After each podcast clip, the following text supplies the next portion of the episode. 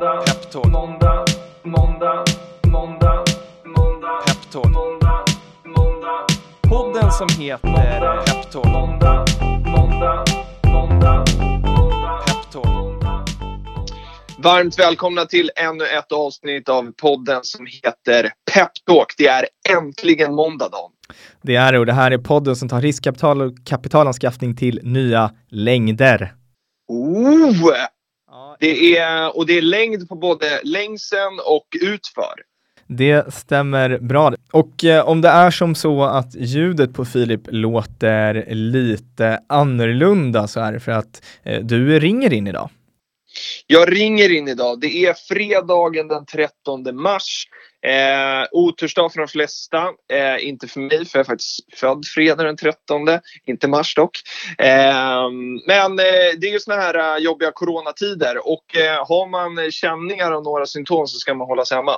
Eh, så att jag har tagit säkra för osäkra och sitter i en en provisorisk studio, alltså i min garderob eh, med mycket textil och heltäckningsmatta och så. Så att jag hoppas att det ska gå okej. Eh, jag tänker att det är eh, teleuppkopplingen som är, är det kritiska här. Jag tycker att det låter alldeles utmärkt, även om jag saknar dig här i studion. Och jag dig. Vi har en superduper smäckad eh, agenda idag. Det har vi verkligen, men innan vi hoppar in på den så ska jag bara berätta om att det här Äntligen måndag som eh, Eh, som jag har kört ganska länge har ju insett att det är liksom, det är inte mitt. Jag har aldrig tänkt att det är mitt heller. Eh, men jag har faktiskt numera en, en, en hoodie där, som det står äntligen måndag på. Eh, och den har jag fått eh, eh från mitt, eh, ett av mina favoritprogram eh, som heter Eurotalk. Eh, som är eh, fotbollssnack då. och och det, det är därifrån tror jag äntligen måndag kommer. Jag har tittat på det där i liksom 10 plus år och sen snodde jag väl det och började säga äntligen måndag. Så att nu, jag har också en äntligen måndag hoodie. Ska jag börja använda den varje fredag i podden? Det, det vore ju konstigt om du hade en äntligen måndag-hoodie på dig på fredagar.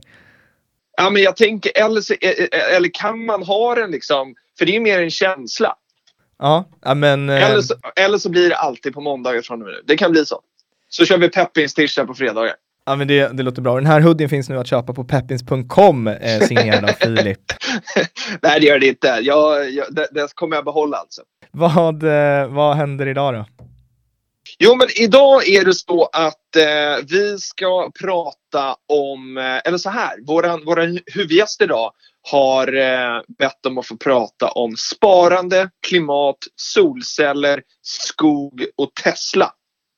Mhm. Och då, du vet ju vem som kommer, men, men eh, det beskriver väl gästen ganska bra.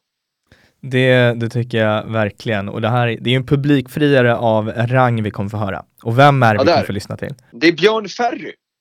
Riktig stjärna alltså. Ja men eller hur. Och innan vi öppnar dörren för Björn Ferry så kommer vi mm. att ringa upp några andra. Ja, det kommer vi göra. Och här är då referensen till att man också kan åka långt utför. Eh, vi ska eh, nämligen prata med bolaget som heter Spektrum eh, som nu gör en ny emission via Peppins. Eh, och då ska vi ringa till grundaren, grundare och VD Andreas Nilemo och delägaren Ingemar Stenmark. Mm -hmm. Det är många legendarer här idag. Ja, det är, är, du, är du, Känner du peppen? Jag känner peppen. Låt oss ringa upp till Spektrum. Hej! Hur är läget med dig? Det är bara bra. Då börjar vi med första frågan då till, eh, till dig Andreas som är grundare och VD. Vilka är Spektrum? Ja, spe Spektrum, vi, vi är fyra grundare. Eh, alla med professionell bakgrund kan man säga inom, eh, inom skidor och snowboard. Samt även med stor erfarenhet inom försäljning, design, marknadsföring ja, men kopplat till sport och outdoorbranschen efter våra mer eller mindre aktiva karriärer. Då. Teamet är ju nu större än, än bara grundare. Vi har ju, vi har ju sedan start eh, anställt två personer till det dagliga teamet samt även eh, en kompetent och erfaren advisory board och styrelse. Och om du skulle få addera eh, hisspitchen då, bara om, om, du skulle förklara vad det här fantastiska teamet gör. Vad gör ni för något? Vi, vi designar och tillverkar eh, accessoarer som man kan använda på och runt berget. Både, både sommar och vinter. Och eh, i dagsläget huvudprodukterna är skid och snowboardglasögon och performance solglasögon. Härligt, och vi har också med oss eh, vår eh, skidlegendar Ingmar Stenmark här. Vad, vad är Spektrum för, för dig? Eh, Spektrum är ju, när jag gick med så var det ju fyra grundare som, eh, ja, som jag lärde känna och trevligt folk och, och även väldigt kunniga. Så det var väl därför jag provade ju flyglasögonen först för att testa och se att det var bra grejer. Men framförallt tycker jag att det är bra gäng och att eh, ja, grundarna är kunniga på det de gör, både i design och, och tekniskt och eh, produktutveckling. Det känns tryggt, ett tryggt bolag tycker jag. Andreas, ni har ju ett uttalat fokus på hållbarhet. Hur tycker du att det genomsyrar bolaget? Ja, men det, det genomsyrar ju i, i visioner och eh, ja, men framförallt passion. För naturen och, och vintrarna, de är, de är såklart jätteviktiga för oss och även våra framtida generationer. Men framförallt är det där vår eh, passion kommer ifrån. Så mm, vi strävar ju liksom dagligen efter att ha, ha ett hållbart företagsklimat och alltid naturen i åtanke. Man kan väl säga så här att vi, vi har ju liksom börjat på produktsidan. Det är Spektrums första eh, första del och där vi slagit om hela produktionen till, till att jobba med biomaterial. Bra. Eh, och Ingmar, du investerade i bolaget för några år sedan. Va, vilken potential ser du i, i Spektrum? Eh, jag, jag har ju varit involverad i stor, större etablerade bolag tidigare när jag, var, när jag tävlade. Eh, som Elan till exempel och, och japanska firmor. Men eh, vad som var intressant med Spektrum är att det är ett bolag som är relativt nystartat och får följa med utvecklingen och jag ser en stor potential i, i det bolaget. Och nu då Andreas så tar ni in 10 miljoner kronor varav 1,8 då är från befintlig ägare. Vad ska ni göra med de här pengarna? Ja, men vi kommer främst investera i organisationen och med, med störst fokus då på, på sälj, men även marknadsföring. Um, vi har ju på produktsidan så har vi ju redan gjort det stora jobbet. Eh, man blir aldrig klar med en produkt liksom. Den måste utvecklas hela tiden. Men nu är det fokus på att sälja marknadsföring. Vi har liksom öppnat dörren globalt. Så nu vill vi ta, ta vara på den chansen vi har här nu och, och växa. Och vi ser stora möjligheter med det för att eh, just som jag nämnde tidigare med biomaterial så är vi de enda i vår kategori som jobbar med det här miljövänligare materialet. Och det, det öppnar dörrar. Och nu finns det en möjlighet även för oss vanliga sparare här att bli delägare och investera i Spektrum. Vi har en emission som är öppen tills nu på onsdag. Varför ska jag som investerare lägga mina pengar i det här bolaget? Jag tycker grund, grunden är att man ska få avkastning. Det hoppas vi kunna leverera på och få vara med på den här tillväxtresan som vi nu står inför. Man ska tro på oss som team inom Spektrum tro på det vi gör. Man ska tycka att en grön framtid är spännande och viktigt och ja, framförallt tro på oss, oss människor som jobbar med det. Mm. Så jag tror eh, det är en fantastisk resa. Ja, Ingmar, har du någonting att tillägga till det? Uh, nej, men jag håller med Andreas och, och som jag ser det är det ju ett bra, alltså bra folk med i bolaget. Jag tycker att det kanske är viktigare att, att det är bra gubbar som jobbar framåt än själva produkten. Produkten kan man utveckla ja, i all oändlighet men, men att, att det är bra folk, det tycker jag är viktigt. Härligt! Tack eh, både Andreas och Ingemar för att vi fick ringa upp er idag. Ni kommer ju komma till studion eh, här under våren och så ska vi eh, köra ett helt avsnitt med er på plats. Men tills dess så får ni ta hand om er och eh, så får ni ha en bra vecka. Tack så mycket. Tack, Tack själva. Ha det bra. Hej, hej. Hej! Bra Filip, det var Spektrum eh, och emissionen eh, på Peppins stänger som sagt eh, nu i veckan, eller? Jajamän, onsdag. Det är ju då äntligen måndag eh, när vi eh, spelar in eh, eller när det här avsnittet kommer ut och då är det måndag den 16. Emissionen stänger onsdag den 18. Så, och allt material och sådär finns ju på peppins.com. Så gå in och läs på och läst på uh, ordentligt. Det måste man göra innan man uh, investerar.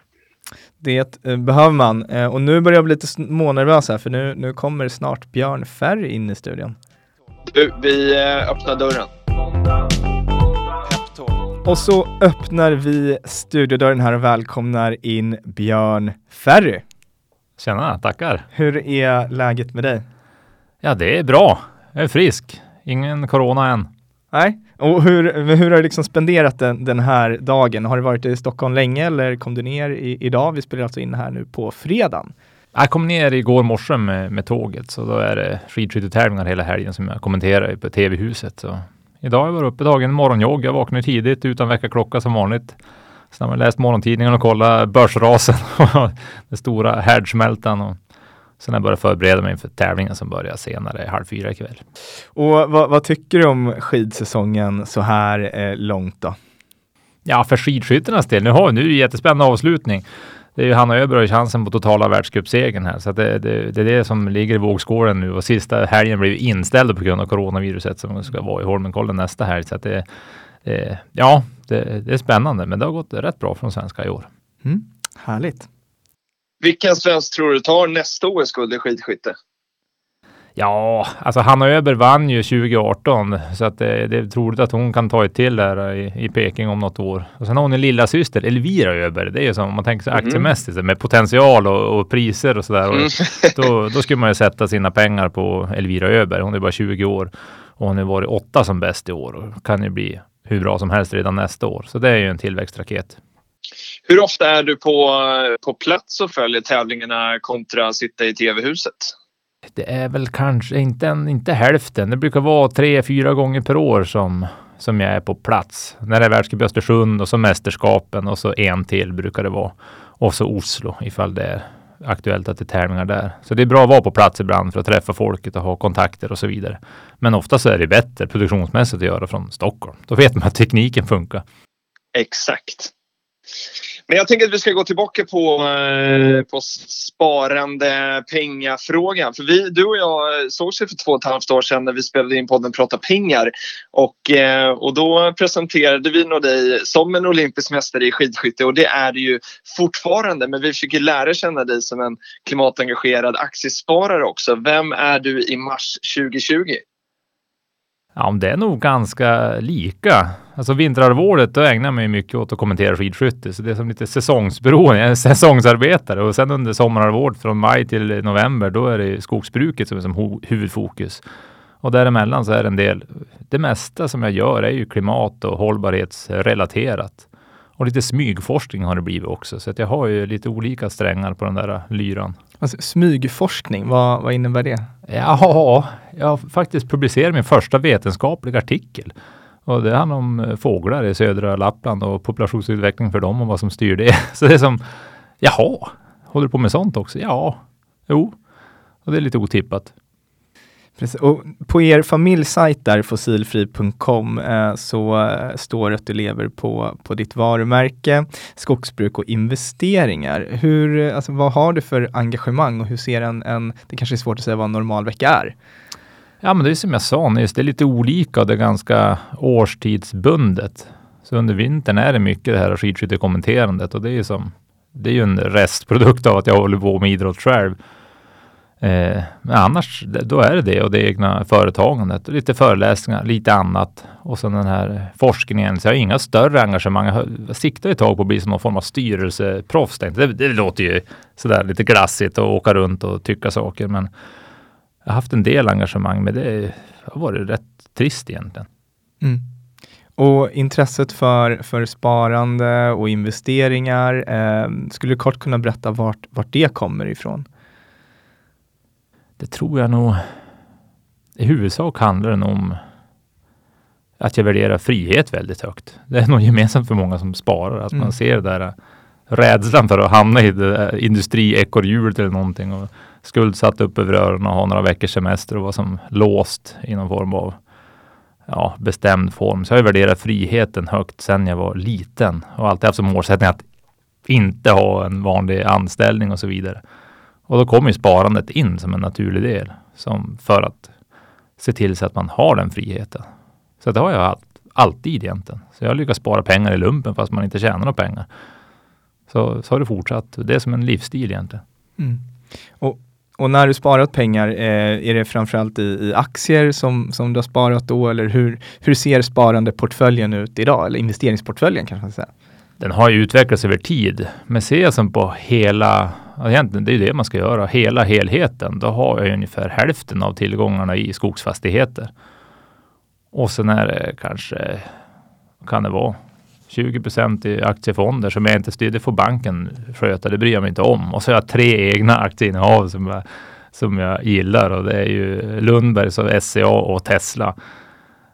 Men jag är ju ingen daytrader längre, utan det är, det är, så här, det är långsiktiga innehav. Man mm. fyller på eftersom. Så det börjar väl snart vara läge. Mm.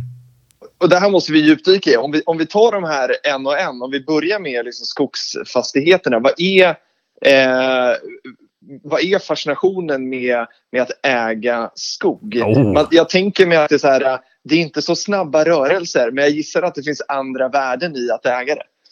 Ja, men det är ju den häftigaste tillgången som finns. Det är ju bara så. Alltså jag har en del tallar i ett sånt där biotopskydd som är som skyddat område. De är över 250 år gamla. De stod där innan Oj. franska revolutionen. Så det ger som perspektiv att då få ynnesten och äran att förvalta en del av planeten under en del av min livstid. Det är ju hisnande egentligen och det är meningsfullt på det sättet. Och så sätter man en planta då. Okej, okay, och, och den kanske ska skördas om hundra år. Det är borta för min livstid. Det är kommande generationer, så det är som både framåt och bakåt långa tidsrymder. Och sen har den här kopplingen till hela mänskligheten, hur markanvändningen, hur vi sköter den, om det är jordbruket, skogsbruk och det som ska bidra till mänsklighetens utveckling utan att vi som riskerar det övriga livet på planeten och därigenom riskera oss själva. Så det som skogen går ju, tycker jag, tvärs igenom alla de här viktiga samhällsfrågorna, om det är klimathållbarhet och alla sådana här saker. Så på så sätt är det en jättespännande tillgång. Och sen för mig personligen, då är det ju också att det är likt idrott. Där får vi ut och motionera mm. med röjsågen och köra hårt och känna sig trött och få äta och sova tungt och det här att vara fysiskt utmattad istället för att sitta framför en skärm och bli knäckt i hjärnan bara. Det, det gillar jag ju. Så det, det finns där. Och så är det ändå kittlande att det är affärer. Man ska köpa en fastighet och det är budgivningar. De ska sälja virke och mm. hitta det bästa. Så det, det finns även det där kortsiktiga i det. Hur kommer den löpande avkastningen? Är det, är det från avverkningarna då? Ja, det är ju framförallt då slutavverkningar och gallringar. Det är där intäkterna kommer in. Och så lite grann från jaktarrende kan det vara. Eh, det kan också vara arrenden från vindkraft. Det har vi inte, men det skulle kunna bli inom någon framtid. Och så kan du eventuellt stycka av en del stugtomter. Så det är sådana intäkter som kan vara. Men i huvudsak är det ju från skogsbruket och där är det ju avverkning när man säljer virke helt enkelt. Gör det ont i själen att avverka? Eller är det liksom som en del av eh, processen? Ja, det, är nog, det är ju som en del i processen, men jag gillar också att skydda områden. Så det har vi gjort. En, det ingår ju att vara certifierad skogsbrukare ska skydda ganska stora arealer och det känns ju skönt att ha kvar de där tallarna som är mer än 250 år gamla och där det finns ja, men, bra fågelliv och allt möjligt. Det är kul att ha sånt kvar också, så jag gillar den delen och det är det som har lett till den här fågelforskningen bland mm. annat. Jag vill, se vad, vad är som det här, hur kan vi sköta det här på ett bra sätt så att det är lönsamt men ändå att det är uthålligt över tid. Så att det, ja, det är ungefär så.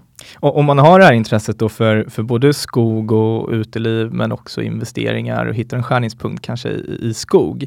Eh, har du något tips och råd för hur man kommer igång och blir en bra skogsbrukare? Ja, det är väl som med många investeringar. Det är ju bäst att börja med en slant pengar så att man har det, så att man inte måste låna till allt första gången. För sen är det ju det, det, är det som är med skog, att det, du kan ju som inte köpa en aktie bara någonstans och säga nu investerar jag i skog. Skogsbolagen, de har ju sin andra verksamhet som är som huvuddelen. Nu har SCA blivit mer renodlat när de hade det med blöjorna, det som nu blev Essity, då, då köper du liksom inte skogen om du köper en aktie. Men nu är ju ändå skogstillgångarna i SCA huvuddelen av värderingen ska jag säga. Så att den är ju ganska snarlikt som att köpa en skogsfastighet. Men annars måste du köpa en egen markplätt själv. Och har man ingen erfarenhet av det och ingen kunskap eller sådär, och då tycker jag, äh, då ska man nog kanske inte göra det. Mm. Utan det, det kräver lite mer. Du kan ju, ja, köpa in alla tjänster och så vidare. Och, men då, då försvinner en del av lönsamheten. Och sen är det så små marginaler så det blir den där skalfördelen. Nu har ju vi nästan tusen hektar och det är ju en orimlig tanke för de allra flesta. Så att köpa bara en liten fastighet, då är det mer för livsstil än som som någon, att du ska få någon avkastning från det. Det är möjligtvis en bra pensionsinvestering, att du kan vårda en fastighet och sen den dagen du säljer den, det, det är då du får värdeökningen. Så det du var inne på, direktavkastningen är ju låg. Den större mm. delen av, av vad du kan tjäna, det är ju på värdeökningen. Så det är ju den gången du avyttrar någonting som du cashar hem. Och där går ju att skapa avkastning också med, med, med hävstång såklart. Hur, hur belånad vågar du vara? I skogen har vi ungefär 30 procent belåning och det, det känns lagomt. För då vet jag mm. att den värdetillväxten överstiger som räntekostnaderna några gånger om och då känns det som rimligt. Men min plan är att bli skuldfri till jag är 50 så att alla intäkter från skogen, det, det amorterar vi. Fram, fram till okay. nu har vi som använt det för att köpa mer skog. Eller fram till för två år sedan ska jag säga. Och sen från då och framåt, då är det att, att amortera. Och sen så, du hade ju en egen aktieportfölj också utöver mm. indexfonden. Och no, jag kommer inte ihåg vart det var, men jag läste någonstans att eh, Lundberg ska man investera i för att han var, du hade sett någon intervju där, han såg ganska tråkig ut. Eller? Jo. Och då kändes det, ja men liksom, ja, då, då, kan han lika gärna förvalta hans pengar också, för han kommer inte Ja, men han, jag tycker han är skön. Alltså mediaskygg, väldigt sådär eh, försiktig. Det är ingen som man, man går igång på personlighet. Annars kan det ju lockas av en sån som Elon Musk eller, någon, eller Petter, vad heter han, Stordalen och bara åh, de här verkar ju himla driftiga. Men då, då lockas man ju mer av det än man måste titta på vad det är. Och Lundberg får ju inga poäng på skärmen. Däremot ser man ju så fort det är oroligt och när kurserna går ner, pang, då är han där och köper. Och så låg belåningsgrad, låga risker, men konsekvent. Strategin, det håller oavsett. Så det, det känns ganska bra. Jag känner mig trygg i händerna på Fredrik Lundberg. Mm. Ska vi ta Tesla nu då också? Du, eh, vi pratade lite innan och då, då sa vi att vi måste prata om Tesla. Ja. Vad, vad känner du för Tesla just nu? Ja, just nu, men klart nu är vi i den här stora, vad ska vi säga, apokalypsen nästan. Alltså det, det, jag vet inte vad som händer dag från dag. Så nu rasar ju allting. Men med, mm. men med lite is i magen så är det ju verkligen ett framtidsföretag.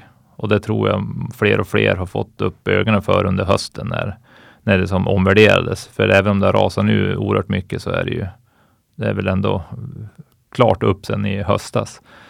Att det, jag tror ju att Tesla har fantastiska framtidsutsikter och jag skulle avråda starkt från att köpa någon annan fordonstillverkare. Det tror jag är livsfarligt. Mm. Och varför tror du att Tesla kommer lyckas över tid och varför är de så, så viktiga?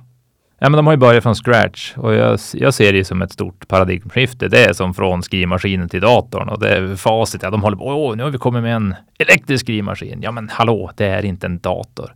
Det där är dött och jag tror att det är pyspunka på förbränningsmotorn.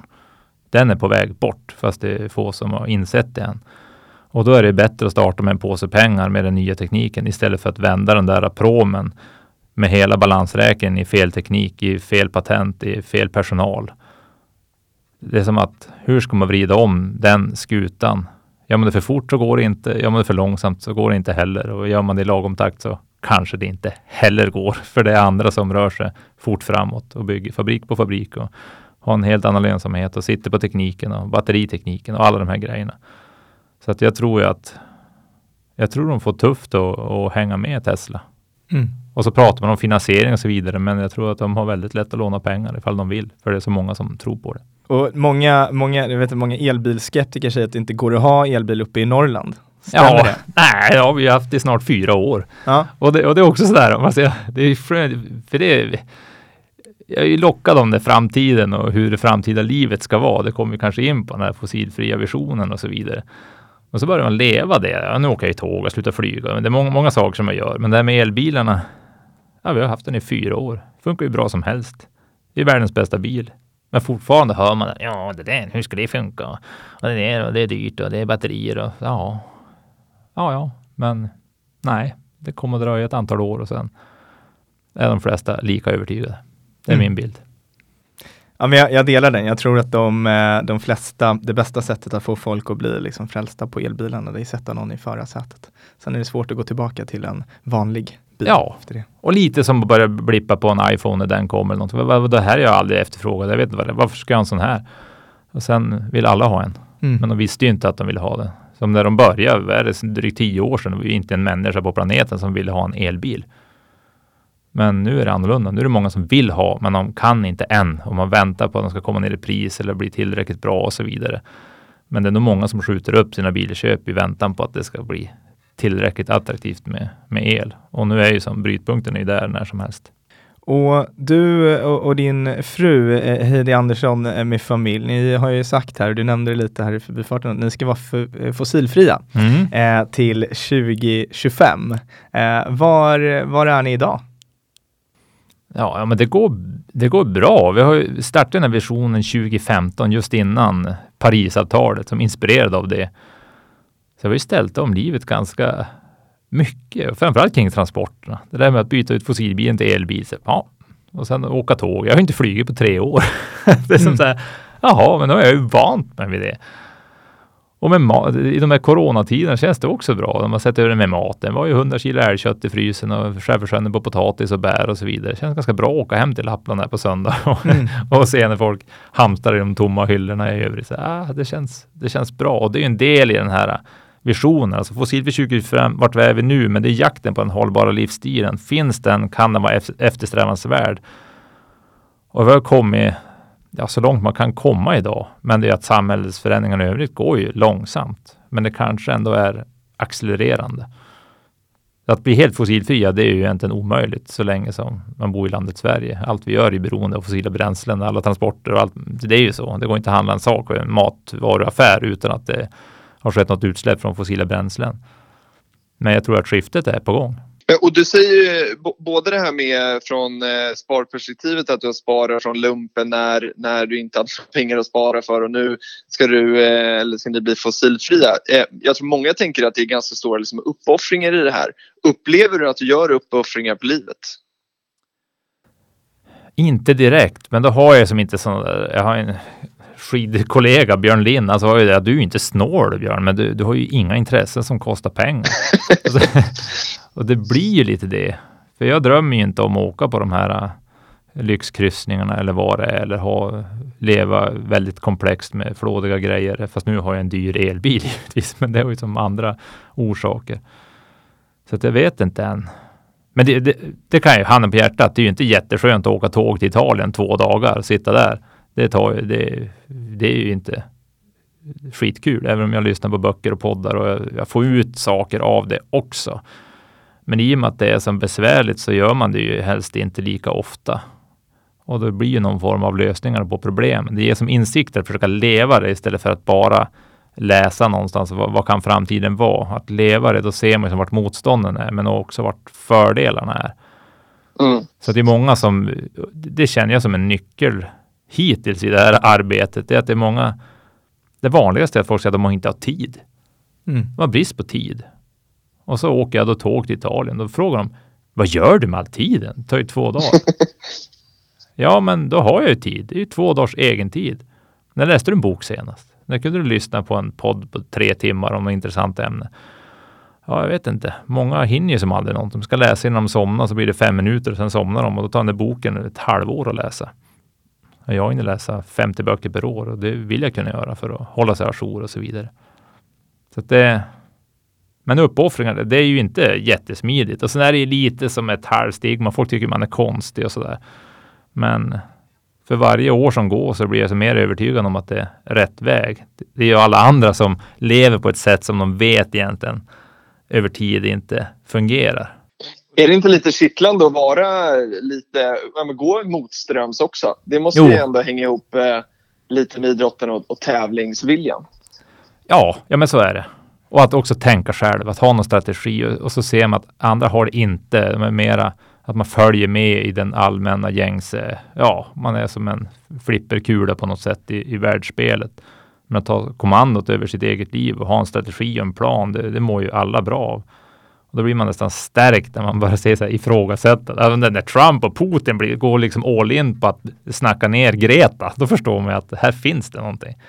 Det här är inte bara luft, utan det här är det här är på riktigt på något sätt. Så jag känner Mm. mig, det känns bra att vara en del i det, även om jag inte egentligen jag maximerar som inte, jag vill ju inte vara klimat-Jesus själv och åka runt som Greta. Jag håller mig lite försiktig. Jag gör det själv, för jag är intresserad av det där framtida livet. Jag vill leva det. Men ni har ju ändå varit ganska mediala med, med ert eh, klimattänk, mm. så även om ni, eh, och som jag uppfattar det som du säger nu, och inte, ni har varit måna om att inte pracka på andra saker. Är det många som har kritiserat er i de här satsningarna eller hur det Nej, ut? alltså väldigt lite. Visst får man någon mail eller något sånt där. Ja, typ de här gubbarna som tycker om allt i hela världen egentligen. Och, och, men, men väldigt lite. Men det är väl också, tror jag, för att vi inte är så där äh, pracka. Nu har jag i och för sig haft en egen tv-serie, Storman Forever, för något år sedan. Och det är ju lite präktigt givetvis. Men annars så i huvudsak så gör vi ju själva och det är många som upplever att, äh, att det är ju ändå, det finns någon respekt i det. Man klagar mycket på politiker, de pratar bara men de gör inte själv. De flyger och åker stora bilar och allt möjligt och sådär. Fast de pratar man som att det är jätteviktigt. Men man upplever att det där personliga engagemanget, det, det, det, ja, det finns inte riktigt där. Då gör vi ju mer än, än vad vi pratar. Och det tror jag många respekterar. Även om man inte håller med. Mm. Om man tittar på eh, det kommer ju från en värld där, där du varit eh, idrottare och nu eh, kanske du själv inte skulle titulera dig helt som, som investerare, även om en stor del av det du gör handlar om det. Mm. Eh, vad, vad ser du att det finns för likheter mellan eh, livet som, som eh, elitidrottare och investerare? Ja, men det är ju som...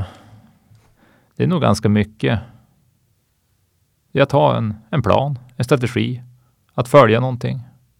Att inte vika undan när det när det kommer några nya nycker eller när det blåser. Och sen vid vissa tillfällen så sätter man sig ner och går igenom sin strategi. Ska man ändra någonting? Att det finns som en systematik i det.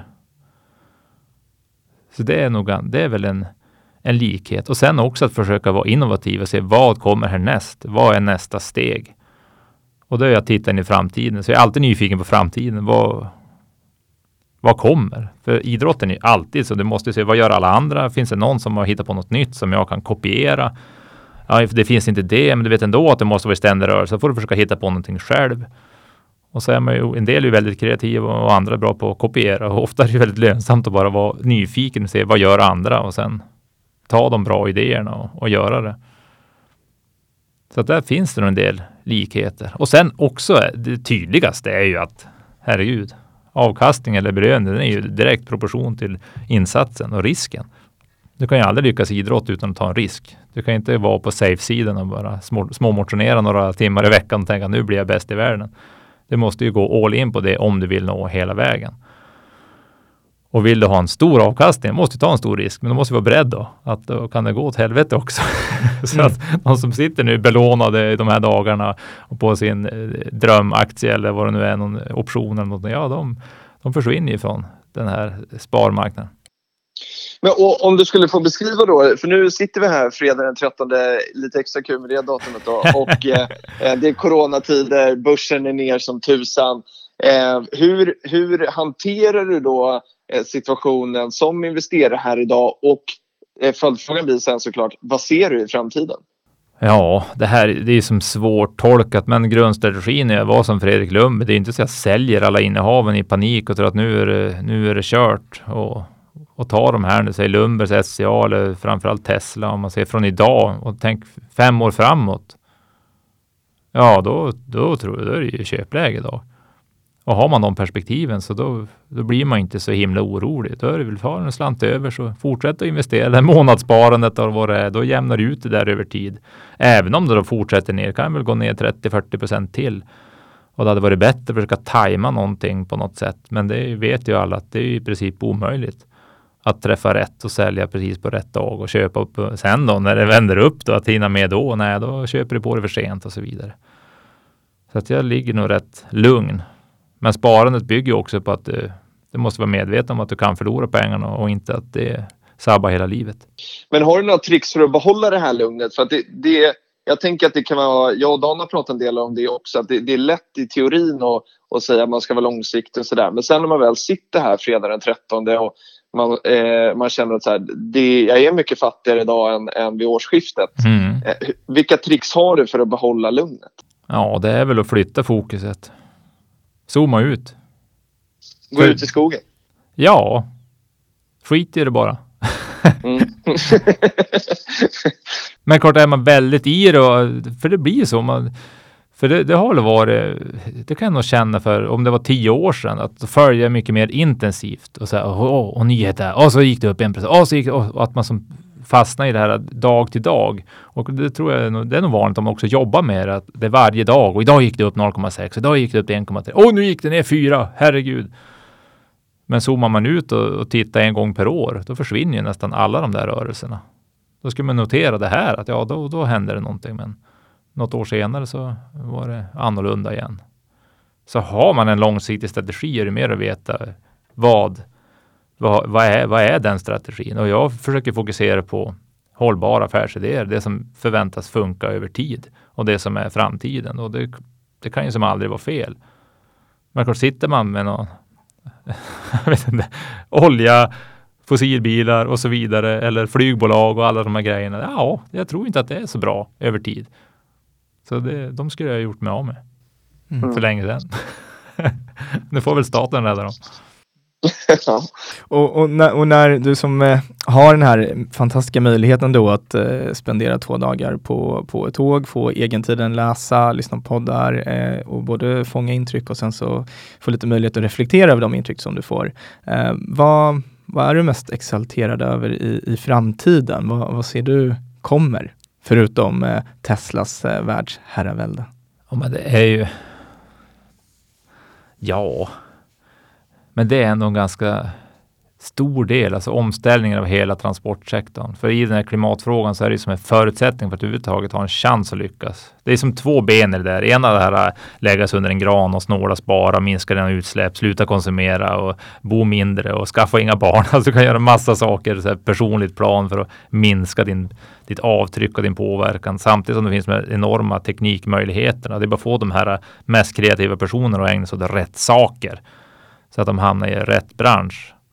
Och jag tror ju om, om vi skippar bilarna så är det ändå det som är i bilarna, det är den här batteriutvecklingen. För den påverkar ju alla andra branscher också. Och när det börjar komma ner till någon form av ja, tillräckligt bra, tillräckligt låga priser, då revolutionerar det hela energibranschen med att kunna lagra den här solen och vinden. Det är ju inte sol jämt, det blåser ju inte jämt. Vi ska ha kärnkraft. Ja, jo, ja, ja, ja. Men kan du lagra det där då? Billigt. Då är det en helt annan femma. Och där, det tror jag blir ett stort skifte. Alltså hela energisystemet. Att du kan lagra den förnybara energin och de här smarta elnäten som också blir ihopkopplade med bilarna. Jag har ju 100 kilowattimmar i bilen. Jag kan ju driva en sommarstuga i två månader med det om jag vill. Jag kan pytsa in det på elnät när du gör ditt morgonkaffe och när industrin går igång och får bra betalt för det också. Så det, det finns ju där. Eh, om jag, jo, det är jag nog exalterad över, att vi står som på tröskeln till stora teknikskiften och att jag är förhoppningsfull över att det kommer att bli väldigt bra. Mm. Och är det någonting som, som ni jobbar med hemma hos er för alltså att, att bli självförsörjande på energi också? Ja, men det är ju drömmen. För mm. det är tillbaka till min grundfilosofi om att värdera friheten högt. Finns det något coolare än att producera sin egen el? Bara strömavbrott hos grannen. Det är mörkt. Hos mig lyser det. Välkommen hit. Drick kvällste. Något annat ni behöver. Alltså, det, det tror jag många går igång på.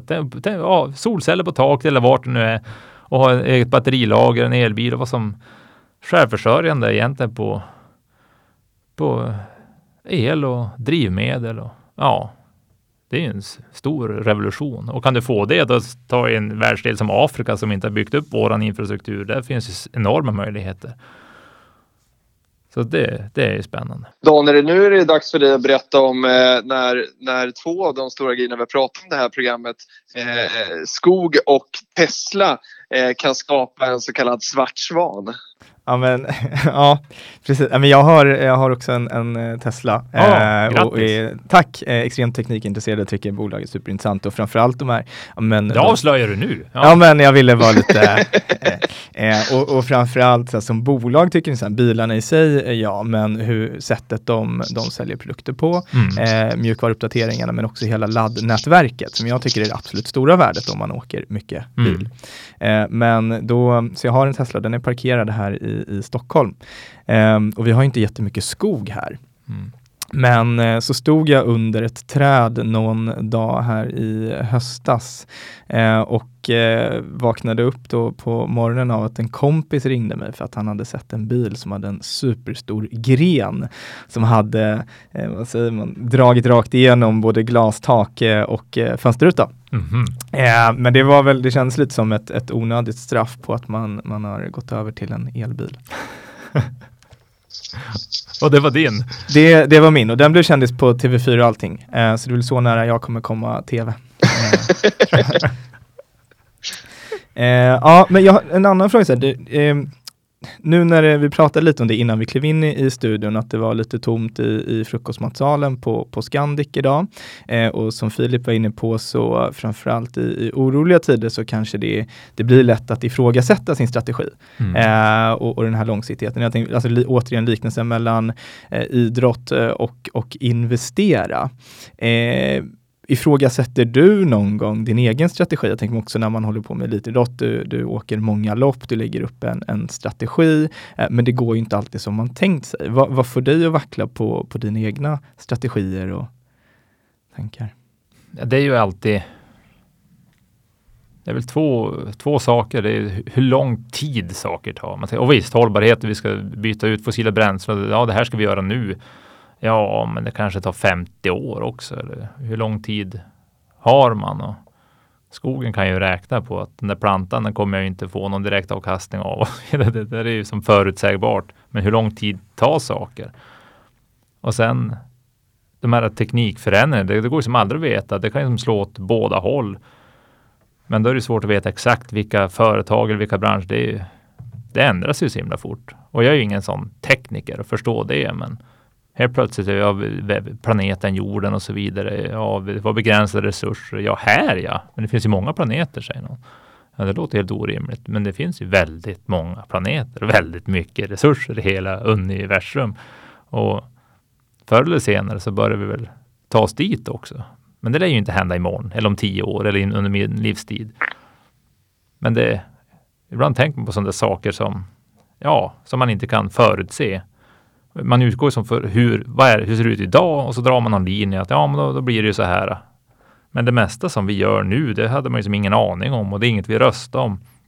Vi har inte röstat om internet eller smartphones eller ingenting. Det bara händer och det förändrar ju livet för alla radikalt.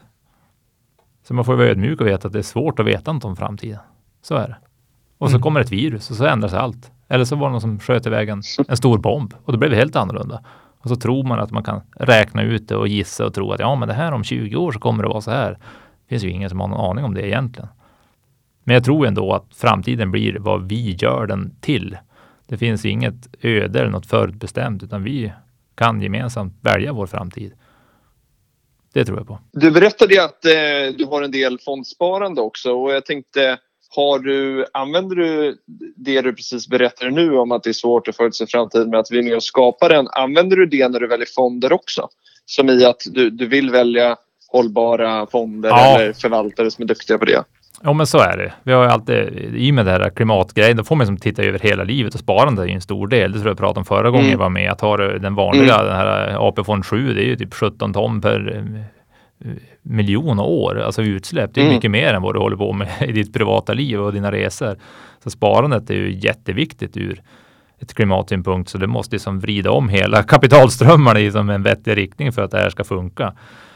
Så att där är vi noga att ta ja, det bästa möjliga. Men just fondsparandet, det har jag faktiskt delegerat. Det får banken sköta. Så jag har det så här diskretionär, en del på fördel. Ah, okay. Och det är också en del för att då skydda sig mot sig själv.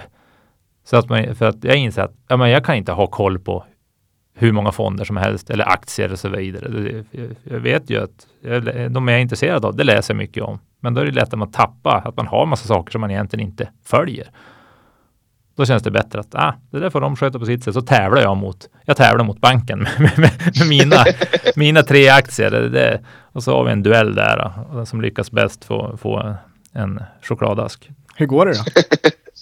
ja, jag låg ju väldigt bra till i och med att Tesla typ dubblades ju under mm. hösten där. Så då, då låg jag ju långt före. Men nu, nu är det väl säkert, nu, nu är det nog ganska jämnt skägg. Eller det, skägget är väl borta delvis då. Eh, En annan fråga då, alltså vi, vi, vi i den här podden pratar ju mycket riskkapital och kapitalanskaffning. Och, och eh, vi, vi tycker att det är viktigt med, med mer riskvilligt kapital, eh, också eh, kapital som går till annat än indexfonden och sådär. Eh, tycker att vi borde ha mer riskvilligt kapital till alternativa tillgångsslag. Ja, det är väl ganska självklart egentligen. Och jag har ju själv en sån där eh, för i och med att det som inte finns så mycket att investera i rent klimatmässigt så då letar man ju där och då har jag hittat jätteintressant företag, Trine, som satsar på att bygga solceller i Afrika. Sådana här crowdfundingbolag kan satsa lite vill från en, jag var en 500 och uppåt. Och det har jag gjort i några år och investerat då amorteringarna och räntorna i, i nya projekt. Så nu är det tio olika ungefär. Och det ger 60-11 procent i avkastning. Och det är som en bra investering samtidigt som det är helt otrolig effekt där. De, eldar, de har ju lampor med fotogen och eldar med kol och koks och så kan de byta ut det till solel.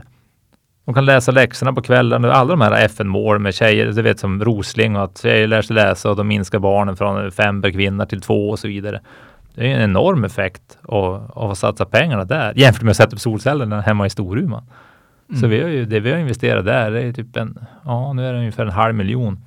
Men det har genererat ren el till över 7000 personer. Mm. Det är mer än hela Storumans kommun. Med en sån ändå relativt liten summa. Precis. Och jag är också, ja, men också investerat via, via Trine. Ja. Eh, och det jag, Vi har, vi har, vi har ju kopierat varandra. Ja, nej, men jag, jag försöker vara som du. eh, men, och det jag tycker är intressant med den och, och också det, det eh, som jag tycker är lite triggande med den eh, resa som ni gör hemma hos er, är eh, hur många nationer leapfroggar, alltså hoppar över generationers teknik för att gå direkt på det nya och hela off the grid, att leva på, på sin egen sol och, Mm. och så är super, superspännande. Eh, verkligen. Ja, för där har du ju även då allt det här kring fossila bränslen och maktstrukturer och risken för krig och allt möjligt. Gör du din egen el, då ändras ju som det där. Om de inte behöver rysk olja i någon större utsträckning, då ändras ju som hela maktbalansen. Och det är ju som en frihetsrevolution att ha, att producera din egen energi, din egen el över Mm. hela världen. Ja, det är häftigt. Bra. Eh, tack så jättemycket eh, Björn för att du kom, kom hit. Eh, alltid superkul att höra eh, vad du har att säga. Tack, tack. Härligt Filip. Det var Björn eh, Ferry som bjöd på en show som man brukar göra. Ja, det får man verkligen säga. Och eh, nu, nu eh, när jag då inte är i studion och får liksom uppleva eh, myset så, så kan jag i alla fall vittna om att det, det var mysigt att även vara på distans. Så att man kan ju säga att jag har fått uppleva det som första lyssnaren också till det här avsnittet. Eh, gott samtal. Det är, jag gillar att lyssna på honom. Han är så... Han är både väldigt, väldigt genuin och väldigt tydlig. Det gillar jag. Verkligen. Eh, han, han vet vad han tycker och tänker. Lite förvånad över den här eh, forsknings eller vetenskapliga rapporten som han hade skrivit också. Ja. Den, den såg inte jag heller komma. Men jag är ändå inte förvånad. Alltså det, det, det är ingen korkad människa vi har att göra med här. Han är ju, han, eh, man får ju uppfattningen om att eh, han är väldigt smart. Han är, han är, jag, tror han är, jag tror han är akademiskt smart. Det, det verkar verkligen så det. Och vill ni liksom lära er mer och veta mer om Björn Ferry så har han ju han har skrivit en bok. Eh, man kan också se, eh, jag vet inte om den ligger kvar på SVT Play, men det finns en tv-serie där också om deras liv mot ett fossilfritt liv i Storuman. Det kan vi pusha för. Det hade varit kul att eh, åka dit någon gång och titta på de här eh, supergamla träden. Det finns, alltså jag tyckte när, när han berättade också om, svarade på frågan om varför han äger skog och sådär. Det var precis som att han liksom stannade upp och pausade och bara så här, and, liksom andades in eh, det ljuva av att få känna att han ägde någonting som, som, eh, som han verkligen gillade. Jag tyckte det var häftigt alltså. Ja, det syns när människor börjar prata om saker som de gillar, hur de spricker upp i, i ett stort leende Mm. och så var det verkligen när han fick prata om sina tusen hektar skog. Eh, När glöm, köper vi vårt första träd? ja, men, vi, ja, snart. Men ja, vi eh, ska kolla på det. nu avrådde ju Björn Ferry eh, staner från att, att köpa lite skog. Eh, Ja. Men i alla fall, glöm inte följa oss på Instagram. Det är där det händer. Vi finns på eh, peppins peptalk. Finns också på mail för de som inte kör Insta. Då når ni oss på peptalk.peppins.com. Och vart kan man höra det här? Soundcloud, Acast, Podcaster och såklart Spotify. Det är där jag lyssnar. Det är jag med. Eh, lite riskinformation och disclaimer Filip. Vill du, eh, disclaimer, disclaimer, vill du ta den? det gör jag. Den här podden produceras för Peppins och inget av innehållet ska ses som finansiell rådgivning. Investeringar i aktier är förenat med risk som innebär att man kan förlora delar eller hela det investerade kapitalet. Eh, och I det här avsnittet så har vi ju inledningsvis snackat om Spektrum då eh, och där har jag tecknat lite aktier. Hur är det med dig Dan? Det har jag inte gjort. Nej. Sen med Björn så uh, pratade vi om uh, Tesla hur är det där? Eh, har en bil men inga aktier. Äger du någonting i Tesla? Jag har ingen bil och jag har inga aktier. Jag har ägt aktier i Tesla men jag gör det inte längre. Lundberg däremot som man pratar om, Lundbergföretagen, där äger jag aktier. Det gör jag också och jag har även investerat via plattformen Trine. Men det har inte jag. Bra, tack för den här veckan och så hörs vi igen om sju dagar när det är äntligen måndag igen. Ta hand om er. Podden som heter